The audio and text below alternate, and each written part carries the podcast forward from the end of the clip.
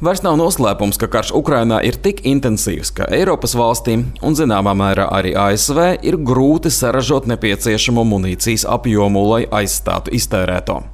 Tas attur valstis no aktīvākas palīdzēšanas Ukrainai. Tādēļ Eiropas komisija spērusi tās vēsturē līdz šim nebijušu soli un pagājušajā nedēļā piedāvāja novirzīt 500 miljonus eiro munīcijas ražošanas jaudu paplašināšanai.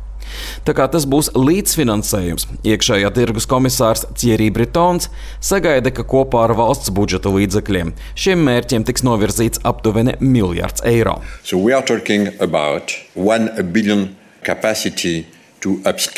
Mēs runājam par vienu miljardu, lai paplašinātu mūsu ražošanas bāzi.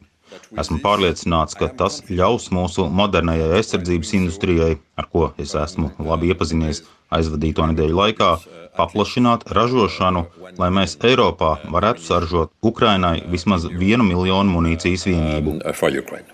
Eiropas parlamentā pirmās diskusijas par šo ieceru notika jau marta beigās, kad konkrēts priekšlikums vēl nebija uz galda. Toreiz deputāts Ivars Ieps no grupas Renew Europe sacīja, ka tas varētu būt labs pirmais solis. Tie 500 miljoni, kas ir piedāvāti no komisijas, protams, ir viena niecīga summa, ņemot vērā tās Ukraiņas aizsardzības vajadzības. Bet mums ir jāsāk beidzot rīkoties un nevis jāgaida uz kaut kādām lielākām summām kaut kad tālā nezināmā nākotnē. Politiķi cer, ka munīcijas ražošanas paplašināšana ļaus 27 Eiropas Savienības valstu valdībām ar mierīgāku prātu piešķirt Ukrainai esošos krājumus, jo viņi zinās, ka pārskatāmā nākotnē tie atkal tiks papildināti.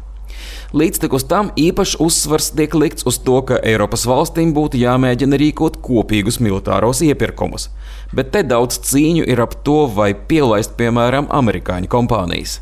Francija jau ilgstoši pastāv, ka Eiropas nodokļu maksātāju naudai būtu jāpaliek Eiropā.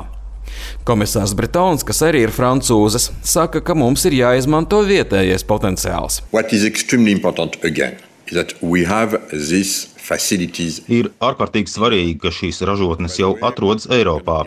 Es nedrīkstu saukt precīzus skaitļus, tomēr, manuprāt, mums ir lielāka ražošanas bāze nekā mūsu sabiedrotajiem ASV. Tas ir saistīts ar mūsu pagātni. Turklāt mēs lielākoties esam spējuši saglabāt šīs ražotnes, kaut arī tās darbojas ar mazāku jaudu.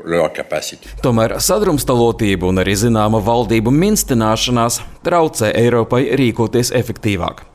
Debatēs Eiropas parlamentā vācietis Mihails Gālers no Eiropas Tautas partijas grupas kritizēja Berlīnas politiķu neizlēmību un netālredzību.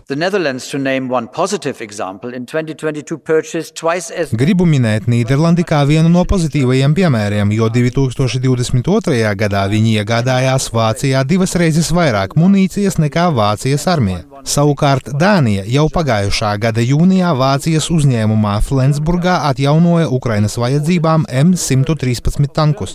Turpretī Vācijas valdība nedeva rīkojumu sākt atjaunot 100 Leopard 1 tankus, kas atradās tajā pašā rūpnīcā, kur tika atjaunoti Dānijas tanki. Tam jāliek punkts.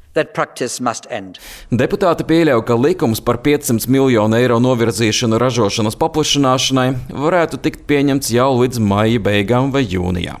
Arcījums Konahaus Latvijas Rādio Briselē.